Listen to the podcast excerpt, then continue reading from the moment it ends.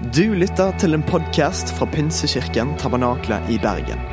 Vi tror at kirken skal være en plass hvor mennesker trives gjennom alle livets faser. En kirke for hele livet.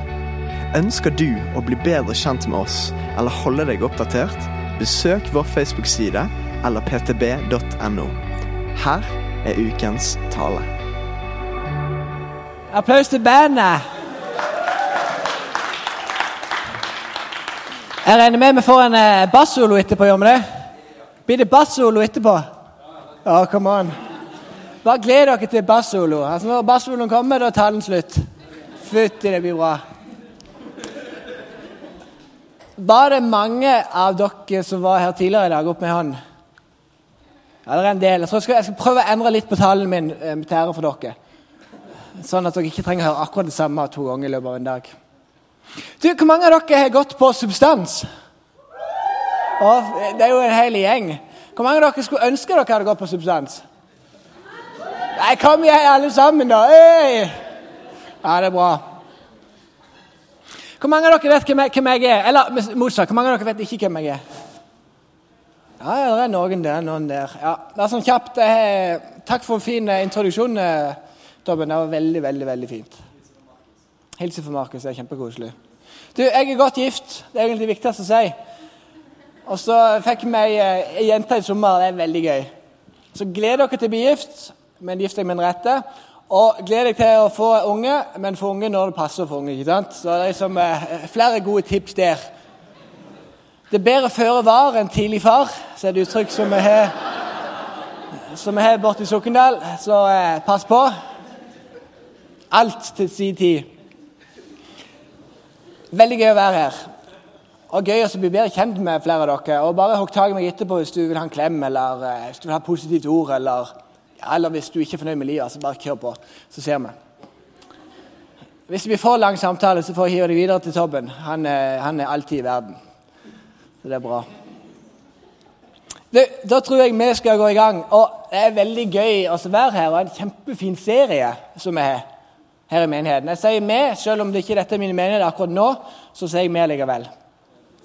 For jeg er pastor i Kristiansand, samtidig som jeg er her. Og akkurat nå så er det kveldsmøte i menigheten min på Sørlandet. Så det er spennende. Og Da er det en av eh, våre egne eh, studenter som skal tale for første gang i kveld. Og det er gøy. Så jeg gleder meg til å høre den talen på podkast i morgen tidlig når jeg sitter på Bybanen. Det blir god stemning. Er det mange av dere som har vært de to foregående søndagene? For den, Denne serien er på gang nummer tre, hvis jeg ikke teller rett. Ja, Gud velsigne dere som har vært til da. Og så hør på podkast, dere som ikke har vært de gangene der.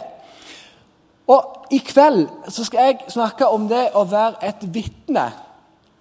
Det å peke på Jesus der som er. Og det å være seg sjøl i måten som du peker på Jesus på.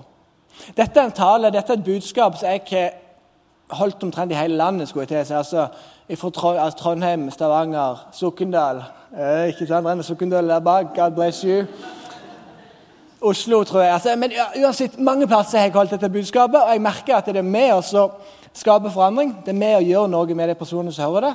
For det er med å sette dere litt fri i forhold til å være seg sjøl når vi skal fortelle andre mennesker om Jesus. For det er så fort gjort på alle områder i livet at vi kopierer alle andre. Sant? Unge jenter, eller jenter generelt, går inn og, og uh, leser noen rosa-blogger. Blogg.no, ikke sant? og så må du fylle det som står der. Og så kan vi kanskje være enige om at det, det ikke alltid er det lureste du finner akkurat der. Men allikevel så velger vi å fylle det. For at siden det står på Internett, så må det jo være sant. Så lærer vi jo i løpet av studietida at alt som står på Internett, er ikke sant. i det hele tatt. Så jeg håper det at du skal eh, bli inspirert til å dele Jesus der som du er. Les noen vers til innledning. Og legg merke til ordet 'vitne', som går igjen. Så går igjen, sant? Så Vi skal lese flere vers sammen. Det første er Apostelens gjerning 1,8. Der står det Men dere skal få kraft når Den hellige ånd kommer over dere, og dere skal være mine vitner i Jerusalem og hele Judea, i Samaria og helt til jordens ende. Ordet 'vitne' står her. Vi går videre. Apostelens gjerninger 10,42. Og han påla oss at vi skulle forkynne for folket og vitne at han er den som Gud har satt til dommer over levende og døde. Apostelens gjerninger 2024. Men for meg er ikke liv eller død verdt å snakke om. Bare jeg kan fullføre løpet og den tjenesten jeg fikk av Herren Jesus. Hør på dette. Og vitne om evangeliet om Guds nåde. Apostelgjerningen 23,11. Natten etter sto Herren foran ham og sa, vær frimodig. Altså, dette er til Paulus. Slik du har vitnet om meg i Jerusalem, må du også vitne i Roma. Så tar vi et litt langt vers til slutt. Og så skal jeg ikke lese så mye mer i Bibelen etterpå det. Apostelgjerninga 26, vers 16-18. Men reis deg nå og stå på føttene. Jeg har, jeg har, vist meg for deg for å velge deg ut til, til tjener og til vitne. Både om det du har sett av meg, og om det du siden skal få se når jeg berger deg fra ditt eget folk og fra hedningfolkene. Jeg sender deg til dem for å åpne øynene deres, så de vender om fra mørkets lys fra Satans makt til Gud. Ved troen på meg skal de få tilgivelse for syndene og arvelodd sammen med dem som er blitt hellighet. Og Du skjønner ikke alt det som står der, men det går greit. Poenget er at vi er kalt av Gud, alle sammen som tror på Han, til å være vitner. Så hvis du er inne og du har sagt at Jesus, du er herre i livet mitt, Jesus jeg tror på deg, Jesus jeg vil leve livet mitt for deg, så er du faktisk utsendt av Jesus til å fortelle andre mennesker om Han. Du har faktisk du har ikke noe valg med å ikke gjøre det. Så enkelt er det. Og så er jo det store spørsmålet ja, men hvordan skal jeg gjøre dette? Og Der er det én million forskjellige måter å gjøre det på. Og jeg tenker det sånn at eh, Er det mange av dere som er glad i fotball? Er det ingen her inne som er glad i fotball? Treige bergensere, ja, da, ja. I alle dager, sant? Men hvis du er glad i fotball, så ser du jo at hvis du ser en fotballkamp er det mange som er glad i Barcelona her? Nei, det er fytti. Jeg er stor Barcelona-fan, så jeg ser hver eneste kamp som de spiller faktisk, i løpet av hele året.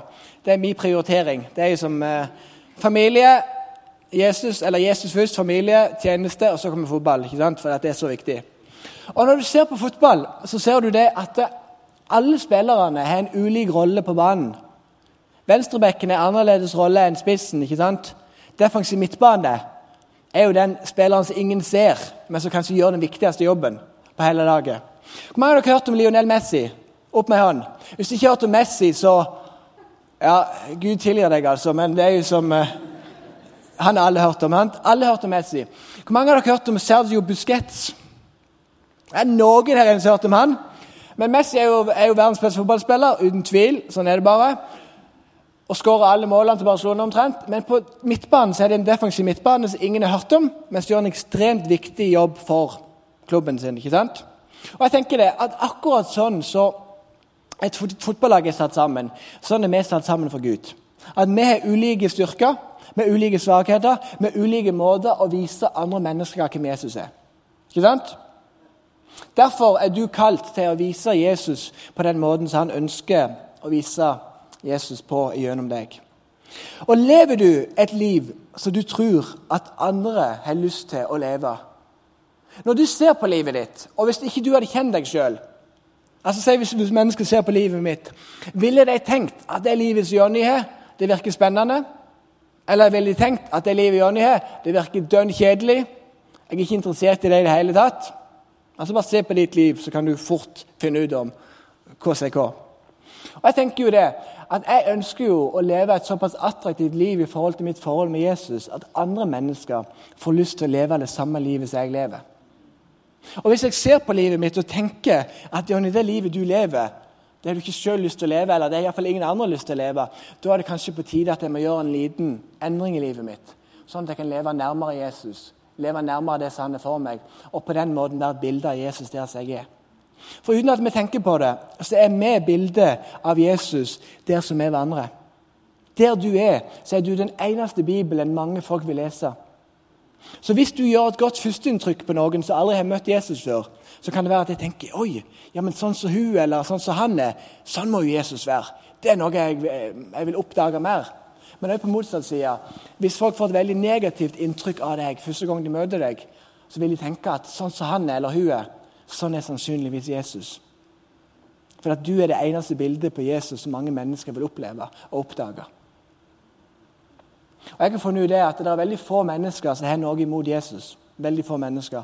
Men det er mange mennesker som har noe imot kirka eller har noe imot menigheten. eller noe sånt, fordi at det har skjedd ting som ikke har vært bra. Men idet vi bare kan være bilder av Jesus der som vi er, og der som vi er hverandre, så vil mennesker merke at det er noe med meg. Jeg tror vi kan leve såpass nært Han at hans kjærlighet stråler gjennom oss. At mennesker kan merke omtrent når vi kommer inn i rommet, at vi har noe annerledes med oss. Så er vi og peker på Jesus der som er. Så er spørsmålet har du lyst til å være en som virkelig lukter godt av Jesus der som du vandrer? Forandrer du verden, eller er det verden som forandrer deg? Det er jo et spørsmål som er lurt å stille seg. For er det noe jeg har opplevd som kommer fra bygda Sokndal, så er det jo det at der er det sånn veldig enten-eller. Enten så er du på puben og drikker det dritas, ikke sant? eller så er det all in for Jesus. Som regel ikke, som regel ikke enten-eller. Eller midt imellom, mener jeg. Som regel ikke midt imellom, men enten-eller. Ikke sant? Og så er jo spørsmålet da, i forhold til de tingene der at Hvordan kan vi da leve på en måte som gjør at vi er med forandrer mennesker der som vi møter dem, istedenfor at vi blir så forandra i møte med mennesker at vi slutter å tro på Jesus. For Det som skjedde med mange av mine kompiser som er så trist, det er at flere av dem hadde gode planer om at de skulle gå på pub eller gå på fest, fortelle om Jesus. Og så ble det til at eh, tenkte de at ja, men ok, for at jeg skal nå enda mer inn, så la meg ta ei øl iallfall. For da er vi på en måte på bølgelengde. Så gjorde de det. og Så ble det to, så ble det fire, og så ble det åtte. Så vet ikke jeg hvor mange øl du må drikke for å bli veldig full. Det har ikke jeg svaret på. Men iallfall mer enn to. Det kan vi være enige om. Og Det som skjedde da med flere av mine kamerater, det var rett og slett det at eh, idet de prøvde å forandre verden, prøvde å forandre andre mennesker, prøvde å lede dem til Jesus, så endte de sjøl opp med å bli ledet vekk fra Jesus og over i noe annet. Og Det er litt viktig at vi tar med oss. At ja, la oss være med og forandre verden, men la oss ikke bli så forandra i møte med verden at det ikke er et budskap igjen å dele med andre mennesker. Kan jeg få det amen? Ja, det er sånn halvveis. Jeg er sånn som gjest her, så det er viktig på en måte å gi litt sånn respons underveis. Hvis når, når dere skal tale i salen med Kristiansand, så vil du virkelig kjenne på oppdrift når du kommer der. Det, jeg hørte det at i USA så er det 400 000 kirker. Ganske mange kirker.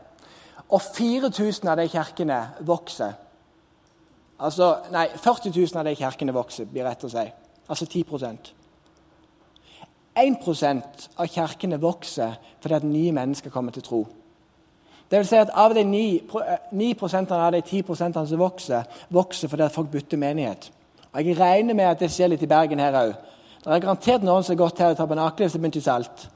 Garantert noen som har gått i Salt som begynt i tabernakelet. Garantert noen som har begynt i tabernakelet som har gått i Frikirka. ikke sant? Og så bytter vi menigheter fordi vi aldri blir fornøyde. Så vi kanskje der det kuleste eller mest hipt eller sånn eller sånn, eller, eller det som passer meg best. Og så blir det sånn. Og sånn vokser flesteparten av menighetene på. Så bare 1% av alle menighetene i USA vokser fordi at nye mennesker kommer til tro på Jesus. Og Når du hører det, så kan du tenke deg at 396 000 kirker vokser ikke fordi at nye mennesker kommer til å tro på Jesus, men 4000 gjør. Og så er spørsmålet ønsker du å være i ei kirke der menigheten eller kirka vokser fordi at nye mennesker kommer til å tro. Og det med dere bergensere Jeg kaller dere dere bergensere nå. for at, eh, Nå kom jeg fra Sørlandet, og så leste jeg hver år siden et ganske interessant innlegg. Og I det innlegget så sto der at jeg hadde intervjua folk i Bergen, tilfeldigvis nede på torget der. Kristne og ikke-kristne. Så spurte de spørsmålet hvis du hadde blitt invitert med i kirka, hva hadde du svart da? Og Over 50% av bergenserne svarte at hvis noen hadde invitert meg med i kirka, så hadde jeg sagt ja, at jeg ville være med. Tenk på det. Så det er synd å si det, dere har ingen unnskyldning i forhold til de tingene der. For hva er det vi gjør? Hva er det jeg gjør? Jo, jeg, jeg, jeg sier ofte det samme. at jeg sier det, ja, men Det er ingen som har lyst til å være med i kirka. Og så stiller jeg spørsmålet til meg sjøl. Ja, men Jonny, når var sist gang du inviterte med deg noen til kirka di? Og så kan jeg stille det samme spørsmålet til deg. så jeg ikke gjør det til meg. Når var sist gang du inviterte med deg noen på kveldsmøte i tabernakelet her eller pinsekirken her? Sånn at de kunne få lov til å se hvordan det er å være i en menighet. Det kan bare du svare på. Jeg vil ikke du skal ta opp hånda eller noen ting i forhold til det. Men hvis Gud er så god, tenk på det Hvorfor er vi da så nervøse og redde når vi skal dele troa med andre mennesker? Hvis Gud er så fantastisk. Det er veldig enkelt rundt forbi å møte sånn fotballentusiaster som påstår at Liverpool er verdens beste lag. ikke sant? Du møter jo overalt. Og alle som har litt peiling på fotball, vet jo at Liverpool er ikke i nærheten av å være verdens beste lag. Sant? Og så er det sånn, ja men, snart, ja, men Husker du 2005, mirakelet i Istanbul? Og så er det tilbake til 2005 hele veien. Og så er det det samme greiene. ikke sant? Det er jo det. Jeg skulle ønske at, Tenk om alle kristne kunne vært sånn som Liverpool-supporterne. Det hadde vært noe. Kunne vært litt plagsomt til tider, ja. Men samtidig så hadde det vært tydelig at vi hadde vært tydelige på at vi har det beste. Oi. Vi har det beste å gi til verden. Vi har det beste som verden kan se. Vi har det beste som verden kan oppleve. ikke sant? Og da hadde det faktisk skjedd enda mer, tror jeg, der som vi vandrer, og der som vi er sammen med Jesus. Jeg tror det er sånn at Mange av oss her inne vi bærer på masse skyldfølelse i forhold til det som er med å fortelle andre mennesker om Jesus. Og Er du her inne, så vil jeg bare si til deg at ikke bær på den skyldfølelsen. Legg den hos Jesus. For han har sagt at du skal få lov til å gå i feilaktige gjerninger. Og Det betyr at du trenger ikke å stresse eller springe ned på torget og skrike at uh, Gud elsker alle, eller en enda verre, gå med plakat 'Turn og burn' og det greiene der. Du trenger ikke gjøre det. Det store spørsmålet er jo hvor mange mennesker har tatt imot Jesus på den måten der. Kanskje det er én eller to, skal ikke påstå noe annet. Men du må gjøre det sånn som du er kalt til å gjøre det.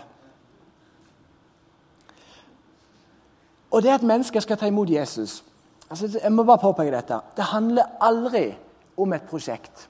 Det er aldri et prosjekt med at folk skal ta imot Jesus. Det er medmennesker. Det er mennesker som er glad i. Og Det blir så klamt hvis du inviterer naboen inn til deg, og naboen vet at du tror på Jesus, og du vet, og han vet, at det kommer et punkt der du bare må dele evangeliet. Det er bare helt uunngåelig. Du bare kjenner atmosfæren. Det er ikke måten å gjøre det på. La Jesus ligge. Altså Ikke sånn sett, men han er med deg i alle typer samtaler. Han lyser gjennom deg på alle mulige måter. Jeg tenker at Hvis muligheten byr seg, hvis det kommer noen spørsmål, hvis det er en måte du kan vise Jesus på, ja, så gjør det.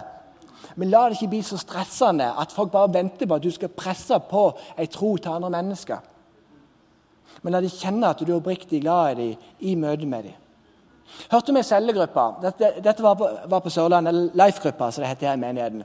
Dette var på Sørlandet. De ble enige om at de skulle ha et prosjekt i den gruppa. Og Da skulle du få med en eh, kamerat som ikke trodde på Jesus, og så skulle du klare å få han omvendt. ikke sant? Det er jo det vi prøver på å leve for. Og Da inviterte de med han kameraten, og han ble med noen ganger. og ble, ble gira på det her med Jesus og syntes dette var spennende. Og så Til slutt da, så tok han imot Jesus og eh, ble en glad kristen og god stemning og hele pakken. Og Så gikk det en liten periode. Han var med i gruppa god stemning. Og sånn, og så plutselig så sitter hele gjengen der.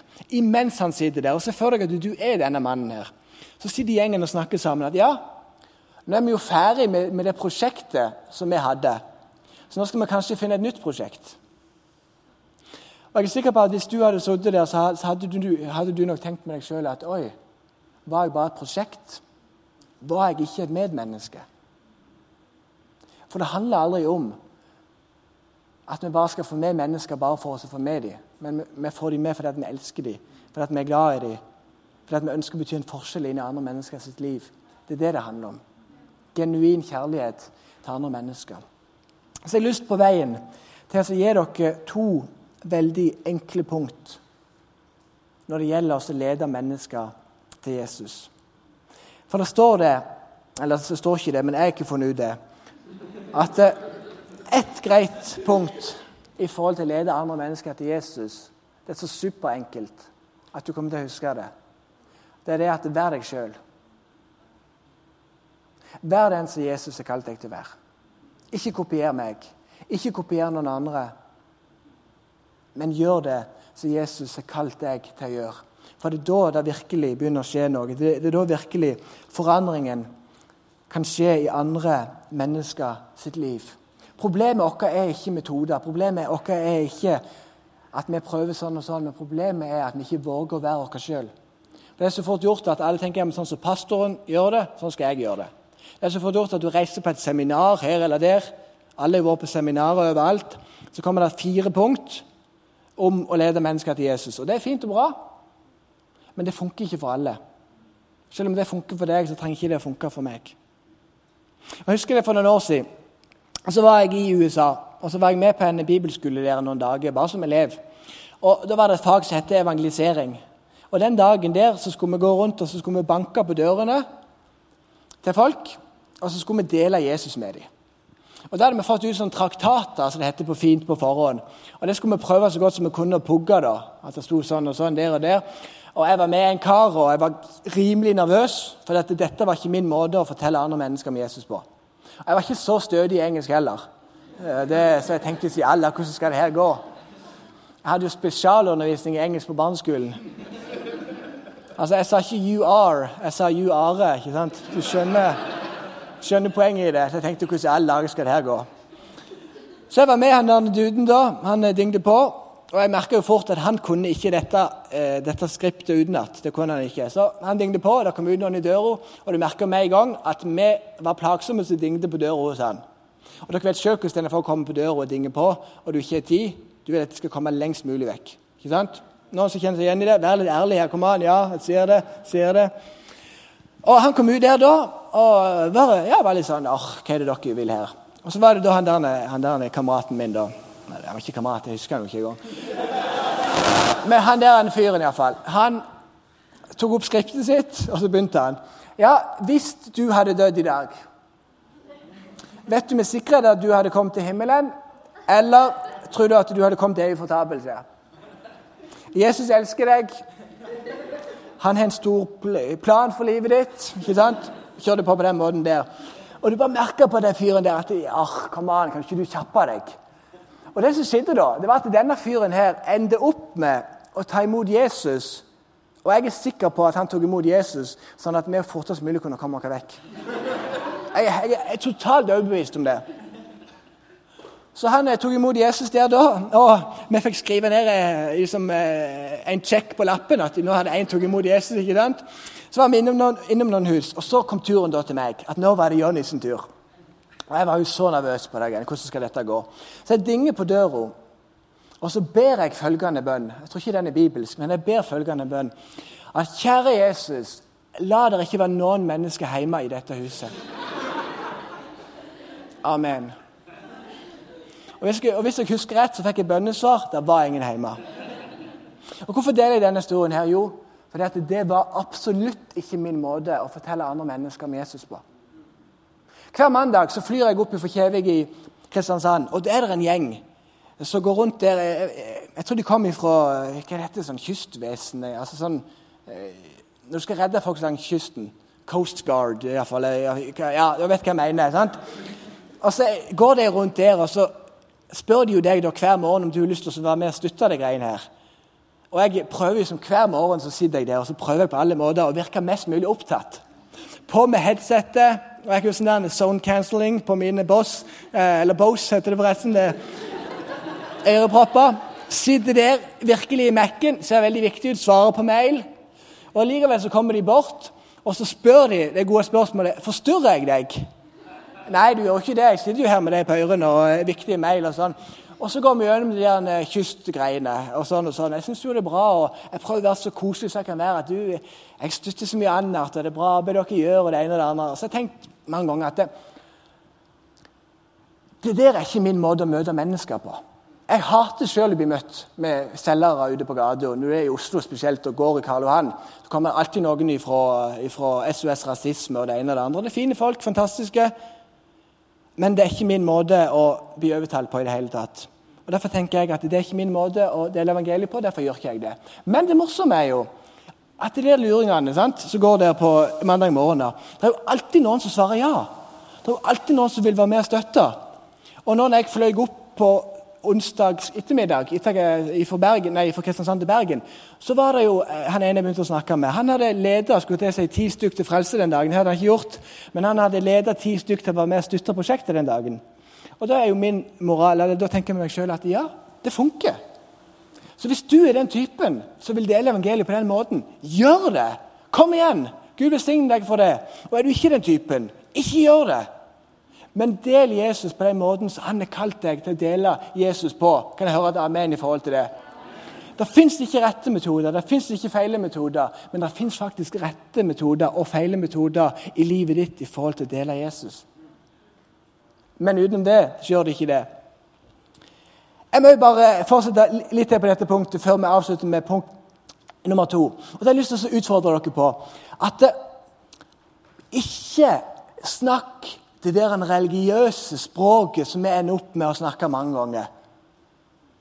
Altså, Vi snakker om rettferdiggjørelse og helliggjørelse og gjørelse i det åttende og niende himmel, som om at alle mennesker forstår hva vi mener. Jeg vet ikke om dere noen har vært til forbundet, så begynner folk å be for deg fordi at du er syk.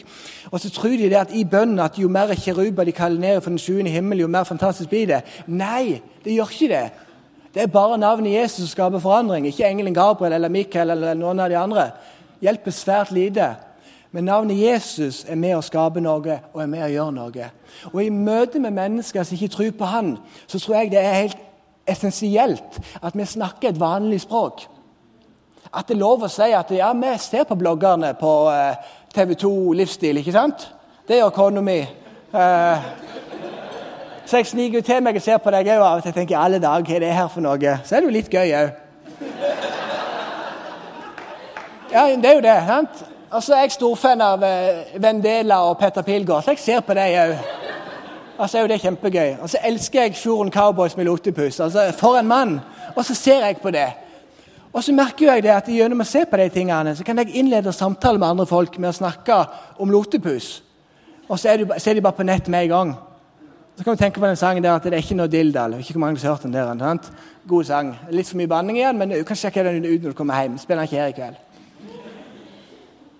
Og Poenget mitt var jo, for å komme tilbake igjen til der jeg var, at vi må snakke vanlig språk med andre mennesker. For vi er helt totalt vanlige mennesker.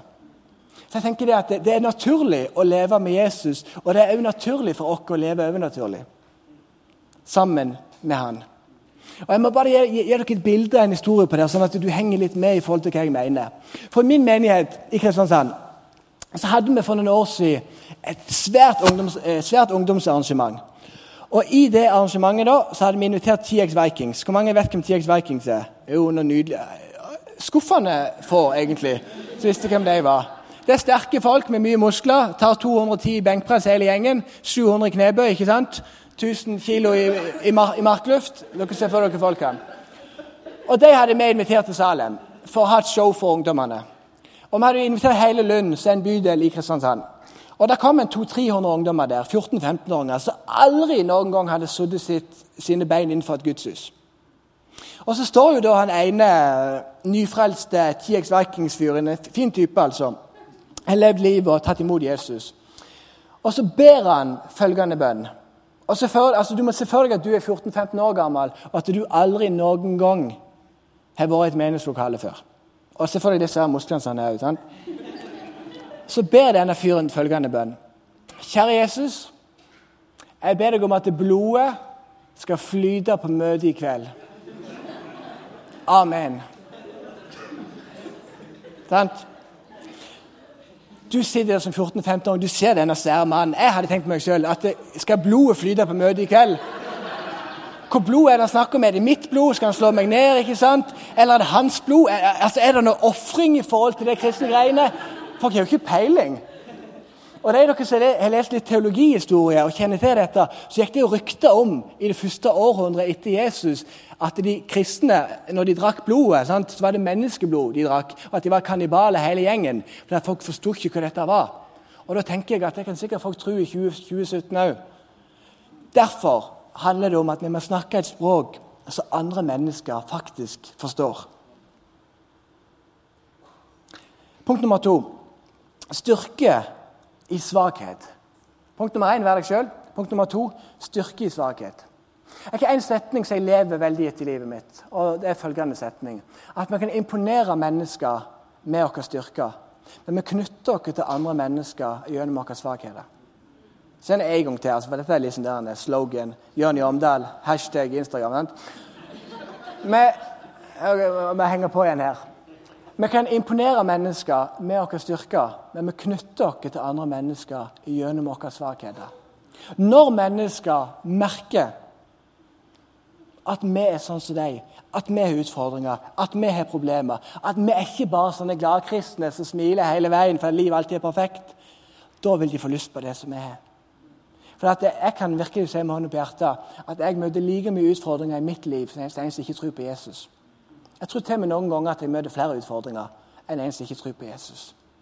Forskjellen er bare at jeg har en person, jeg har Jesus, som er med meg gjennom utfordringene. En som alltid er der når jeg trenger han. En som alltid er der og løfter meg opp gjennom mine svakheter. Og Når mennesker vil merke det, og får merke at vi bare er vanlige mennesker, så, skjer det noe med dem. De ser at Jonny, selv om jeg er pastor, at jeg har mine feil.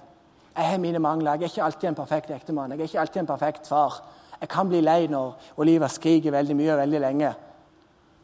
Og når mennesker ser det, så vil de tenke at ja, han er sånn som meg. Og da vil de merke det i møte med oss, at det skjer noe med dem. For at Du er ikke kalt til å være perfekt på noen måte, men du er kalt til at Jesus skal leve gjennom deg. At Jesus skal skinne i livet ditt. Og at andre mennesker skal merke hvem Jesus er gjennom deg. Jeg vet ikke om du har tenkt så mye på det, men når Peter, vi leser i Bibelen, så leser vi at Peter dere har sikkert hørt at Jesus gikk på vannet. Det, det, snakker vi en del om. Men så glemmer vi å snakke om at Peter gikk på vannet. Og det spennende er jo at når Peter gikk på vannet, så gikk han på vannet fordi han hadde blikket sitt festa på Jesus. Men idet Peter begynte å se på seg sjøl, så falt han igjennom vannet. Han så på sine svakheter, han så at han sjøl kom til kort. Men når han så på Jesus, så fiksa han livet. Så når du ikke fikser livet, så handler det ikke om å ta seg sammen for å fikse livet. Men det handler rett og slett om å feste blikket på Jesus og la han hjelpe deg til å leve et liv. For Han er ikke ute etter den perfekte på noen måte, men han er ute etter mennesker som ønsker å leve livet sitt for han. Så tenk om vi hadde våget å være oss sjøl i møte med andre mennesker. Og tenk om vi hadde våget å være mer åpne og ærlige med livet vårt i møte med andre mennesker. Da tror jeg at det begynner å skje noe.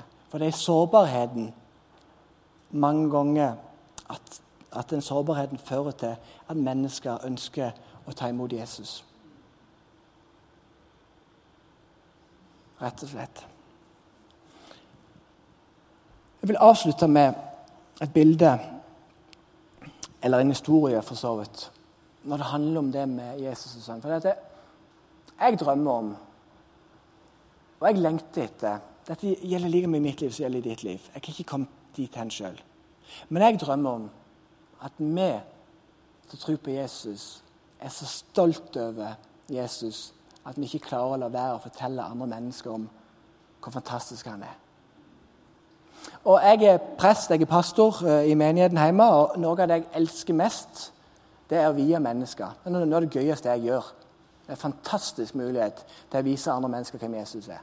Men det er ikke det jeg skal peke på nå. Men jeg hadde en vielse i sommer. Og jeg har alltid mange vielser på somrene, for det er jo da du virkelig vier folk. det er på sommeren. Det er lov å gifte seg på høsten òg, bare sånne tips til dere. Sånn at vi kan få sommerferie av og til. Uansett. Jeg viet en av mine beste kamerater.